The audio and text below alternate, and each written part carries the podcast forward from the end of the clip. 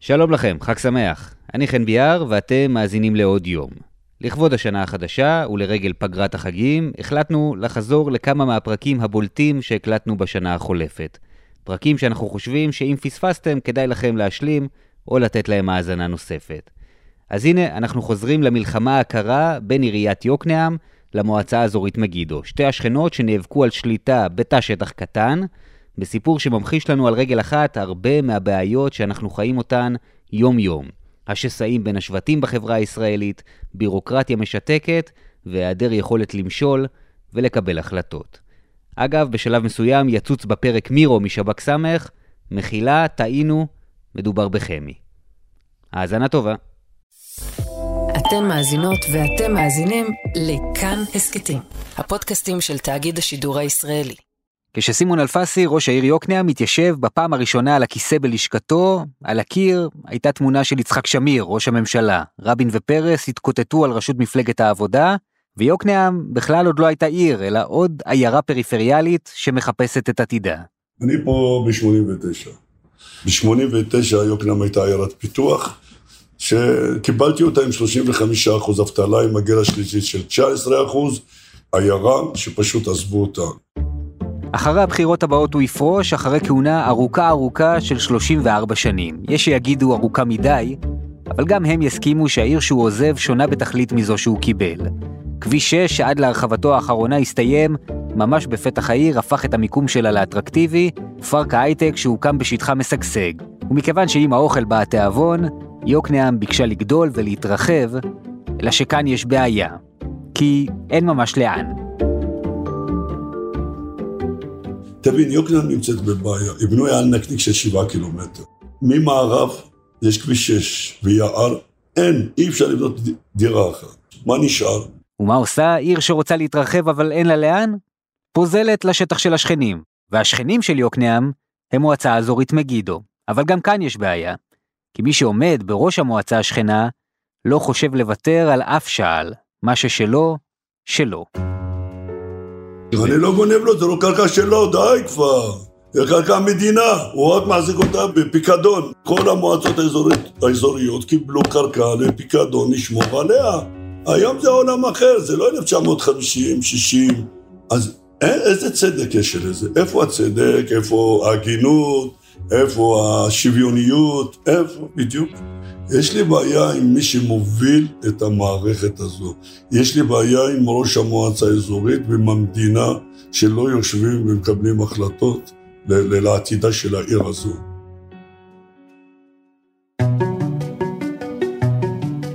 היי, hey, כאן חן ביאר ואתם על עוד יום, ההסכת החדשותי של כאן.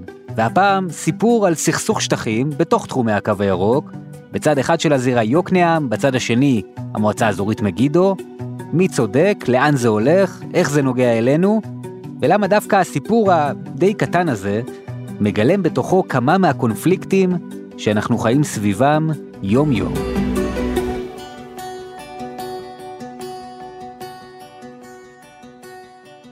ב-2016 בעיריית יוקנעם קיבלו החלטה.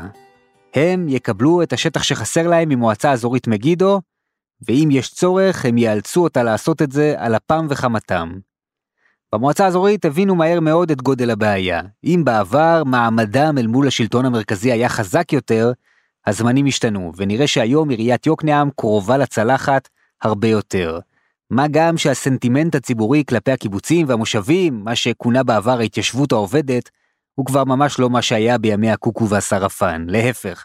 יש כך הם חשים, מי שנהנה מאוד לחוות בהם, למחוק את תפקידם ההיסטורי, ולהתעלם מפועלם לשמור ולטפח את המרחבים הירוקים, שבאזור הזה הם מהיפים ביותר שיש לארץ שלנו להציע. זה ממש חוצפה, עזות מצח, כל, כל המהלכים שלו. לצערי הוא מצליח, או, או זה נראה כאילו הוא מצליח, כי הוא מנצל הלך רוח ציבורי של היסטריה של חייבים לבנות, זה איציק חולבסקי, חבר קיבוץ עין השופט, מאז 2013, ראש המועצה האזורית מגידו. אבל מדינת ישראל, משאב הקרקע הוא הולך ומצטמצם ואוזל, עוד עשר שנים לא יש קילומטר אחד של שטח פתוח במדינת ישראל. עם כל טיעון של אלפסי אני יכול להוכיח שהוא שקרי, אבל הוא לא סתם שקרי, הוא שקרי בשביל להשיג שטח שהוא לא צריך וזה מה שמרגיז ומעורר אה, כעס גדול. וכך ניתן האות לתחילתה של המלחמה השקטה בין מגידו ליוקנעם. והמהלך הראשון של ראש העיר אלפסי היה לדרוש העברה של שלושה יישובים על תושביהם ועל השטחים שמסביב, ממגידו אל שטחה של יוקנעם, מה שנקרא תוכנית הסיפוח. הרי במילא אתם מקבלים את כל השירותים, אין לכם חקלאות, אין שום דבר, כמעט ואין שום דבר, באף מקום. בואו תהיו חלק מיוקנעם, אני מתחייב לשמור על הצביון שלכם, על השטחים שלכם, על הקרקע שלכם. אם אליקים היום ועין העמק רוצים לשדרג את היישובים שלהם ורוצים להעלות את רמת החיים שם, יוקנעם זה הכתובת.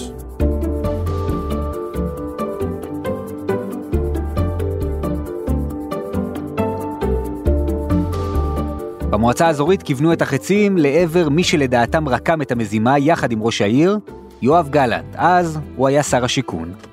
שמהות היחסים ביניהם שווה רעיון בפני עצמו, והלך לגלנט ודרבן אותו אה, לתוכנית הסיפוח הזאת של שלושה יישובים ואלפיים דונם נוספים. יש ביניהם קשרים, אתם, זה בהקלטה? יש ביניהם קשרים, בזמנו, בתחילת 2018, אני חושב, לפני ארבע שנים, זה פורסם בעיתונות, אני לא הייתי קשור לפרסום, והיו ביניהם קשרים, אני מניח שלקשרים היו השפעה על, ה, על מהות התוכניות שהתגבשו אז, גורמים נוספים חוץ ממני התריעו על זה. אגב, אני יכול להגיד בשידור, גלנט עד עכשיו לא מדבר איתי. הניסיון של יוקנעם לגייס לו תמיכה בקרב תושבי היישובים שהעיר ביקשה להעביר אליה לא ממש צלח, ותוכנית הסיפוח הוזזה בינתיים הצידה לטובת רעיון חדש. יוקנעם דרשה להעביר אליה שטחים של המועצה האזורית מגידו מדרום לעיר, כאלו שיקיפו ולמעשה יבלעו שני מושבים של מגידו, אליקים ועין העמק.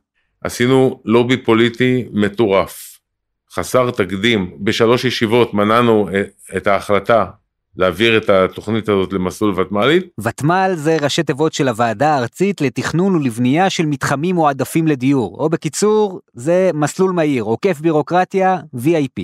ומנענו אחרי זה התכנסות של הוועדה עוד איזה חמש פעמים. במגידו ניסו להתמודד עם הטיעון של יוקנעם שעם כל הצער על שני המושבים יש כאן עיר שלמה שאין לה ברירה אלא לגדול ולהתפתח ופשוט אין לה מקום לעשות את זה. אז הם שכרו את שירותיה של אדריכלית ידועת שם, שכתבה תוכנית שמראה איך יוקנעם יכולה לממש את כל שאיפות ההתרחבות שלה מבלי לקבל שום שטח נוסף, אפילו לא דונם אחד. השאלה היא לא איזה שטח לתת לעיר, אלא האם העיר הזאת צריכה בכלל שטח נוסף.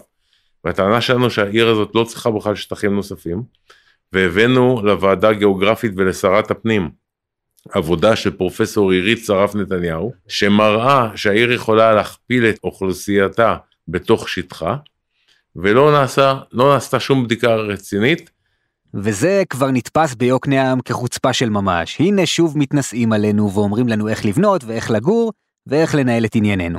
הלך, לקח אה, אדריכלית, נתניהו, שילם לה הרבה כסף. ומה התוכנית שהביאה לנו? כל השטחים הירוקים תבנה בהם. אז אמרתי לה, גברת, ואני אומר את זה כאן, שהיישובים יישובים מגידו, יבנו עשר קומות, 12 קומות, בתוך המושבים ובתוך הקיבוצים. גם אני מוכן לבנות. אי אפשר שהיום, ואני אומר לך, זה מה שהוציא אותי מדעתי, וזה מה שמרגיז אותי עד היום. לא יכול להיות שמה שאסור ליוקנעם מותר ליישובים. זה היופי של העיר הזאת. שבע, שמונה קומות, לא צריך יותר, בגלל ה... הטופוגרפיה שלה. כי אתם, זאת אומרת, נכון. ביישובים הכפריים שלכם? נכון, זה, זה מכעיס אותי שמה שנאה דורש נאה מקיים, אם אתה רוצה שאני אבנה לגובה, תבנה אתה לגובה. טענה פופוליסטית, דמגוגית, כי קודם כל עיר היא לא כפר. היא לא צריכה יותר מדי פארקים בתוכה. היא יכולה קצת לבנות, גם לבנות בניינים וגם לגובה, ולעשות התחדשות עירונית. במגידו מאשימים שראש העיר אוחז את המקל בשני קצותיו. אז יש לו עוד 5,500 דונם שהוא בכלל לא בונה בהם, וגם ה-2,500 דונם שהוא בנה, הוא בנה נמוך. אז אין לו בכלל פה say. הוא עד עכשיו מתנהג כמו יישובים כפריים, ושהמדינה מצטופפת וכולם עושים התחדשות עירונית, אז הוא צועק על כבשת הרעש. עכשיו אני אומר גלוי ואמיתית, גם הקיבוצים וגם המושבים צריכים להתחיל לבנות את הגובה.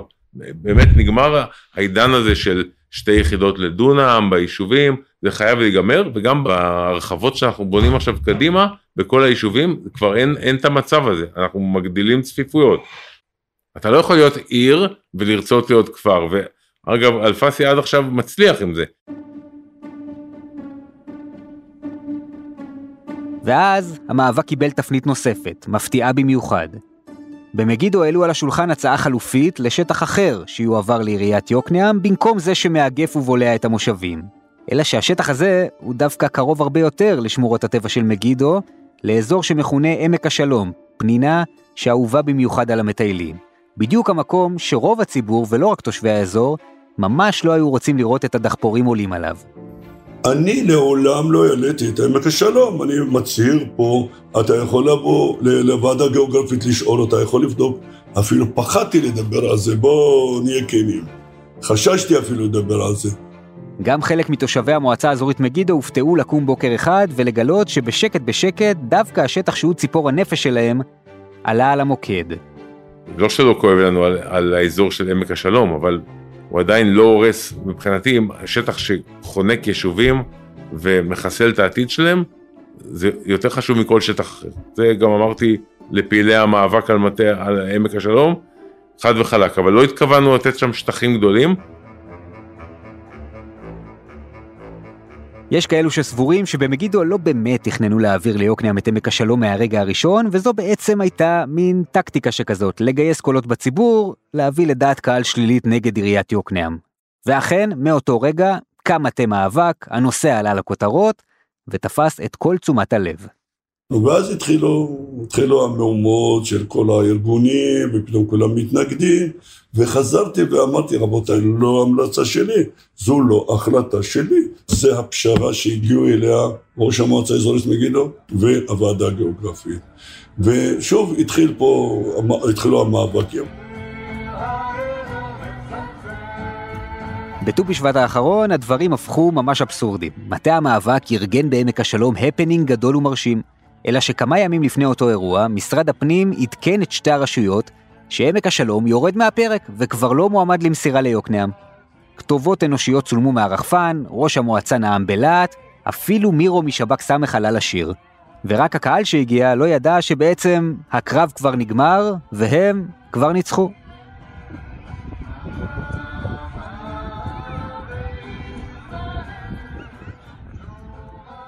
היו אנשים שהעבירו מסר למובילי המאבק על עמק השלום, שהאירוע הזה כבר פחות רלוונטי, והם התעקשו, ולא חשבתי שנכון אה, להתווכח, והם הכינו אירוע, והכל פרח שם, ו... אבל אנשים שהלכו לידי בצעדה הזאת, אמרתי להם, אתם מבינים שפה, אה, האזור הזה הוא לא בסכנה.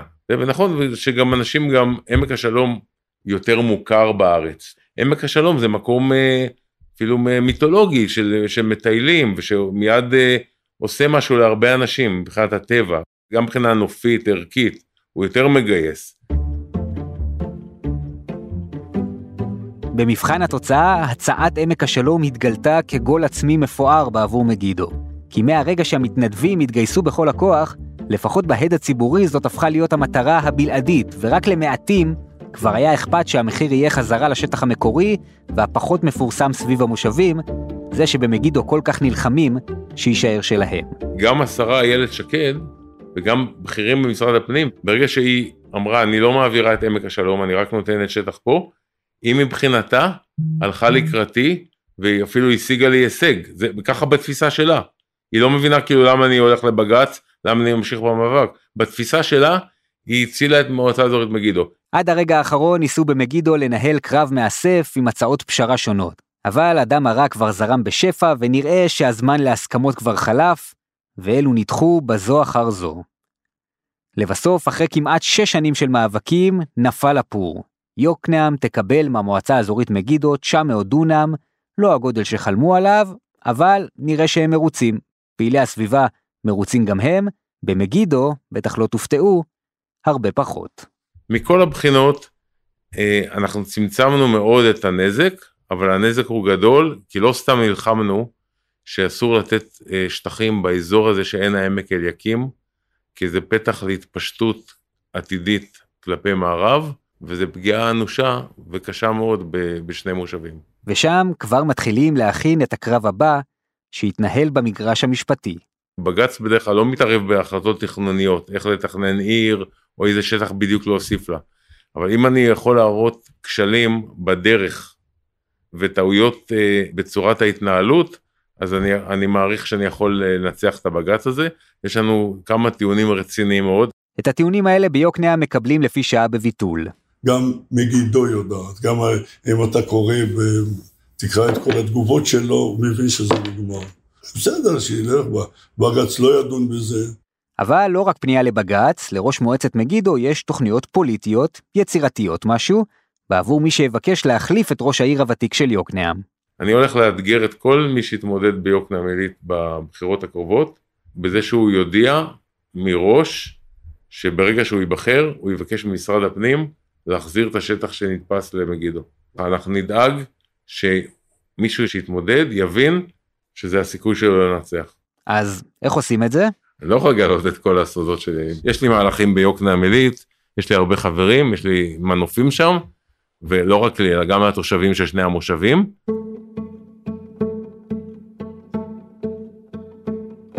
ואם יש מוסר השכל לסיפור הזה, הוא לא נוגע לצדקתו של אף אחד מהצדדים, אלא לאיך שהעסק מתנהל. את המחלוקת על פיסת הקרקע הזאת אפשר היה לפתור לכאן או לכאן בחמישה חודשים, אם לא בחמישה שבועות. בוודאי לא נדרשו לה יותר מחמש שנים שבהן בוזבזו כספי ציבור, אנרגיות ויחסי השכנות בין הרשויות. ואם מדינת ישראל התקשקשה כל כך הרבה זמן על השטח הקטן הזה שבין יוקנעם למגידו, מה הפלא שלמרות כל המאמצים, מחירי הדיור ממשיכים לעלות, עדיין אין מספיק התחלות בנייה, ואין מדיניות סדורה מהצד השני ביחס לשטחים הפתוחים שהולכים ומצטמצמים, ומה הפלא שאנחנו עדיין מתווכחים עשרות שנים על חלוקה צודקת של משאבי הקרקע שלנו. כולם מפחדים, כאילו, לא יודע מה קורה פה, כאילו הולכים להעביר את השטח ל, לרשות הפלסטינאית. וההיסטוריה תזכור לו, וזה מאוד יעיב על, ה, על כל הדברים היפים שהוא עשה ביוקנעם עילית. המהלך הזה האחרון היה מהלך אה, מגלומני, כוחני, מיותר, מתריס,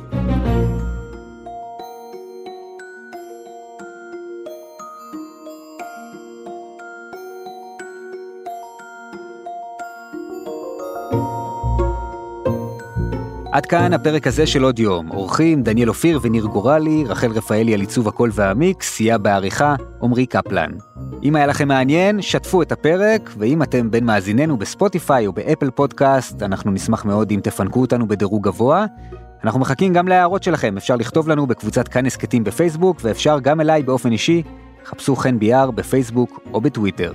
פרקים חדשים של עוד יום עולים בימים ראשון, שלישי וחמישי, את כולם, וגם הסכתים נוספים מבית כאן, תוכלו למצוא באפליקציית הפודקאסטים האהובה עליכם, או באתר שלנו. אני חן ביאר, נשתמע. thank you